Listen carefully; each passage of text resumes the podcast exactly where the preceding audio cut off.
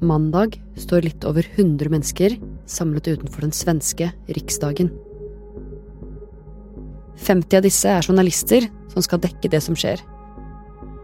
For der står to menn med én koran, et svenskt flagg og en megafon. De vifter litt med det svenske flagget før de sparker koranen. De tråkker på den og kaster den i lufta. Så setter de fyr på den. Og det her er bare én av flere koranbrenninger som har skjedd i både Sverige og Danmark den siste tiden. Og det har ført til reaksjoner og raseri over hele den muslimske verden.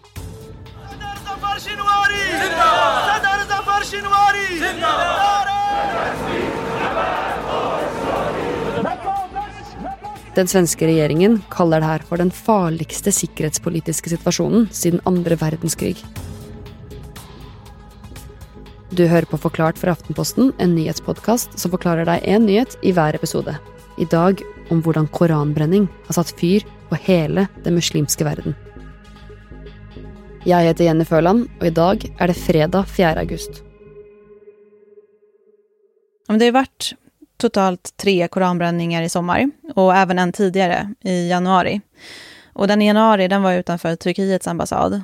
Och så har det vært en utenfor eh, en moské i Stockholm og en utenfor Iraks ambassad. Dette er Annika Øgren. Hun er reporter i Aftonbladet og har jobbet med disse koranbrenningene som skjer der borte i Sverige. Også den siste som var nå på mandag, utenfor Riksdagen, som er det svenskene kaller Stortinget sitt.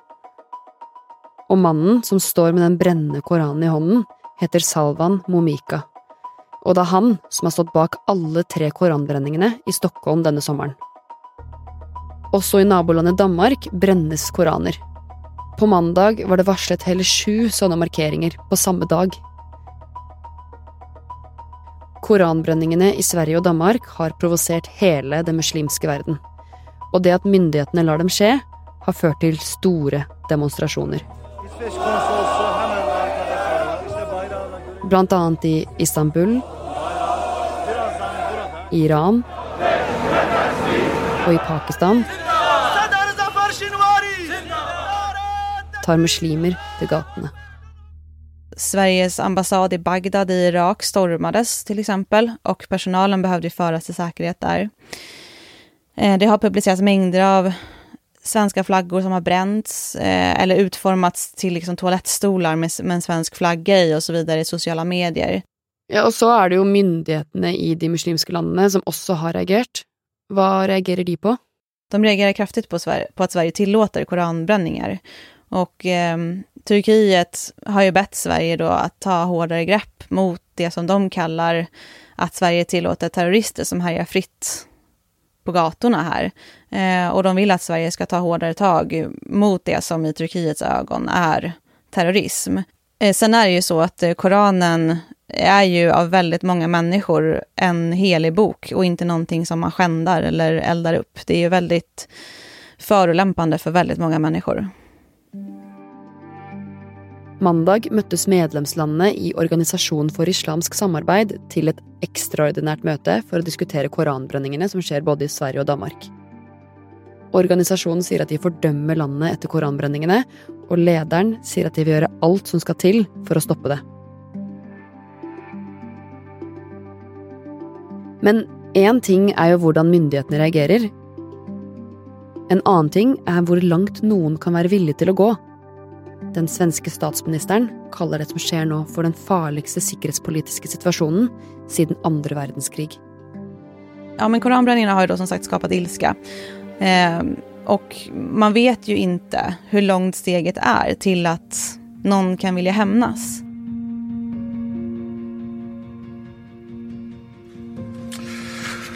Välkomna hit til denne oppdateringen uppdateringen av regjeringens arbeid med eh, den svenske og den internasjonale sikkerhetssituasjonen. På tirsdag møtte den svenske statsministeren Ulf Kristersson og justisministeren Gunnar Strømmer pressen. Som alle vet så har vi et komplisert eh, sikkerhetsläge eh, både i og rundt Sverige.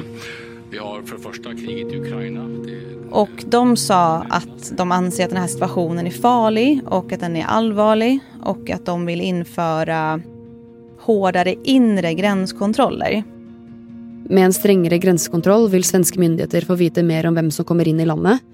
Og statsministeren forteller også at regjeringen har daglig kontakt med etterretningstjenestene fordi situasjonen er så alvorlig. Och justitieminister Gunnar Strömmer som också var på pressträffen sa att eh, de anser att Sverige har gått från att vara ett legitimt mål för terrorattacker till ett prioriterat mål för terrorattacker. Og det vil si at de anser det som mer sannsynlig at Sverige vil oppleve et terrorangrep. Og det er av disse koranbrenningene som har skjedd i løpet av det siste året. Men det er også en annen side av det her som gjør at både Danmark og Sverige er bekymra. Den danske utenriksministeren Lars Løkke Rasmussen sier at det er viktig at de finner en løsning for å sikre danske interesser i verden, altså handel og diplomati med land som Tyrkia, for eksempel. Og det samme gjelder svenskene, men det er også noe annet som gjør det viktig for dem å finne en løsning. Ja, for Sverige er det et NATO-medlemskap som står på spel.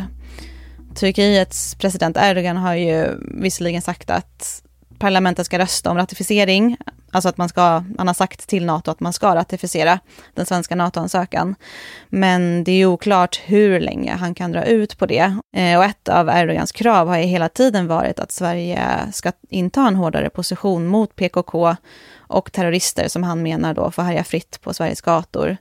Eh, och koranbränningarna är ju en sånn sak som han også har kommenterat tidligere, og som han har sagt liksom inte ligger direkt på plussidan for en svensk ratifisering. Men hva skal Sverige og Danmark gjøre for å løse det her, da? Ja, det er jo en svår fråga. Eh, antingen så kan ju länderna välja då att stå opp for yttrandefriheten og fortsette tillåta sådana här aktioner. Eh, men til hvilket pris då eh, vet vi jo liksom ikke ännu. Eh, länderna kan ju också välja att eh, ge polisen verktyg att inte behöva ge tillstånd för koranbränningar eller alltså, eh, att man ska bränna heliga skrifter. Till exempel på, på känsliga platser eller under särskilda omständigheter. Sånt som skulle kunna påverka till exempel nationella säkerhetsintressen. Denne situasjonen har skapt et kjempevanskelig dilemma for svenskene og danskene. For det finnes jo en helt åpenbar løsning å bare forby koranbrenningene som provoserer så voldsomt.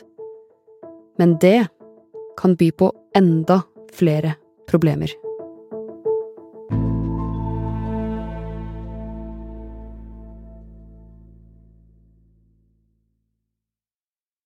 Ja, det er jo veldig lett å forstå at eh, Sverige og Danmark ønsker å forby koranbrenninger, og allikevel så blir det eh, fort veldig galt hvis man gjør det. Han du hører her, heter Frank Rossavik, og han er kommentator her i Aftenposten. For noen år siden så skrev han også boka Best å holde kjeft om ytringsfrihetens krise, og nå følger han situasjonen i Sverige og Danmark tett. Det er jo stor uro nå eh, i eh, land med muslimsk flertallsbefolkning. Det er ambassader som eh, stormes og brennes, det er store demonstrasjoner. Det er voldsomt sterk kritikk mot Danmark og Sverige i, eh, fra en del eh, internasjonalt hold. Um, og det er klart at det er ingen land som ønsker å ha et uh, systematisk negativt forhold til en hel uh, verdensdel, på en måte, hvis man kan kalle den muslimske verden for en verdensdel. Uh, det rammer jo eksport, og det rammer, det rammer reiser, det rammer samhandel. Som Annika snakka om tidligere, en mulighet svenskene og danskene nå vurderer, er å la politiet stoppe koranbrenningene. Og da står de mellom to ulike varianter av en lov. Enten så kan de forby brenning av koraner foran ambassader, eller så kan de slå ned på generell brenning av hellige skrifter. Det virker som om eh, den, den, svenske og den danske regjeringen nå vurderer å forby eh, brenning av Koranen. Og da må man for sin skyld også ta med andre hellige bøker, sånn at det ikke ser ut som det handler kun om eh, Koranen. Det vil eh, innebære en, eh, en innsnevring av ytringsfriheten. Eh, også fordi det vil, vil da i alle fall sannsynligvis omfatte Bibelen og andre religiøse bøker også. Da har man tatt bort en mulighet for å, um, for å harselere med et symbol for et maktsystem, som jo en religion også er. Og det å kunne eh, harselere med og forhåne og i verste fall også brenne en bok, eh, det bør i utgangspunktet være innenfor ytringsfriheten. Ja, og det er jo det her som er kjernen av problemet, det her med ytringsfrihet.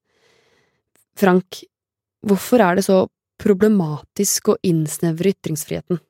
Den grunnleggende tenkningen som ligger bak eh, ytringsfrihet, et veldig viktig prinsipp i eh, vestlige samfunn, det er jo at all makt skal kunne kritiseres, symbolene for all makt skal kunne kritiseres. Og en av de få måtene man kan kritisere et symbol i religionen på, det er jo å bruke deres religiøse bøker som et symbol. Å harselere med religion er noe man har drevet med lenge, og det har bydd på problemer like lenge. Og ikke bare islam. Her i Norge ble det forbudt å vise Monty Pythons Life of Brian på 80-tallet fordi den gjorde narr av kristendommen. Den ble kalt blasfemisk. Og vi har flere eksempler hvor det å tulle med religion og tro har vært vanskelig. I 2005 publiserte den danske avisen Jyllandposten karikaturtegninger av profeten Mohammed. Flere aviser rundt i verden gjorde det samme, og etter hvert gjorde også vi i Aftenposten det. Og det eksploderte i, en, eh, i voldsomme opptøyer og, og, og demonstrasjoner og, og, storming av ambassaden, annet nedbrenning av en norsk ambassade. Og karikaturstriden blussa opp igjen i 2015. Da ble tolv mennesker drept av to terrorister som tok seg inn i lokalene til satiremagasinet Charlie Hebdo. It is the deadliest terror attack in France in decades. The police were quickly on the scene, only to come under attack themselves.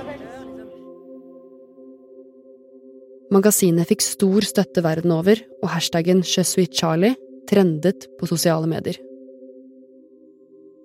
dette går jo på en måte inn i den, uh, inn i den tradisjonen. Uh, problemet med hvordan skal man eh, kunne kritisere islam i et vestlig samfunn hvor det å kritisere religion har vært et viktig uh, element i måten samfunnet er bygd opp på.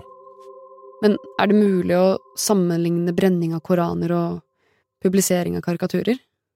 Jeg tror både brenning av Koranen og, eh, og det å, å, lage karikaturtegninger av Muhammed, eh, det handler dypest sett om kritikernes ønske om å finne et symbol for islam, symbol for det de finner truende, eh, ikke å gå løs på den enkelte troende. Og både Koranen og profeten er symboler for islam, så sånn sett så kan jo det sammenlignes at man eh, man på en måte går løs på symboler. Men når brenning av koraner og karikaturtegninger av profeten skaper sånne reaksjoner, hvorfor kan de ikke bare forby det, egentlig? Det er jo faren når man først begynner å eh, redusere Um, uh, ytringsfriheten um, At man da starter på en måte en glideskala, som en dansk radikalpolitiker skrev på, på Twitter, um, som nå heter X. Det neste etter at man eh, forbyr eh, brenning av Koranen, kan jo da være at Kina krever at det skal være forbudt å vifte med tibetansk flagg i en, i en demonstrasjon, eh, fordi Kina ikke liker at man fremmer Tibets sak i andre land. Men her i Norge, da, så er det jo lov til å brenne koraner. Sist søndag så var Sian på utsiden av Stortinget, og de, da brant de en koran. Hvorfor blir det ikke bråk når vi gjør det her? Det blir jo bråk. Det har vært bråk mange ganger eh, når man har hatt den typen eh, markeringer i, eh, i Norge. Eh, men eh, det virker i alle fall for tiden som om toleransen er større her enn, har, enn den er i eh, Danmark og Sverige. Det kan fort endre seg. Og problemstillingen er høyst levende også i Norge. og det, det er dessverre spennende å se hvordan, det, hvordan dette skal utvikle seg. Riktignok er det tilfeller hvor politiet kan forby koranbrenning her i Norge. Hvis de ikke kan garantere for ro og orden eller sikkerheten, så har politiet lov til å stoppe det. Men det er ikke nok å vise til den generelle sikkerhetssituasjonen. Og det finnes også visse unntak som gjør at koranbrenning i Sverige og i Danmark kan nektes. Men Frank, hvis de nå velger å forby koranbrenninger i Sverige og Danmark, kommer det til å løse noe? Kommer folk til å slutte å brenne Koranen? Så lenge folk frykter islam, så vil det komme eh, demonstrasjoner og markeringer mot islam. Eh, og hvis man ikke kan eh, sette Koranen i sentrum for en sånn markering, så vil eh, andre ting havne i sentrum for den markeringen. Og jeg vet ikke hva disse andre tingene vil være, men jeg tror ikke at man løser noe problem eh, ved å forby brenning av Koranen.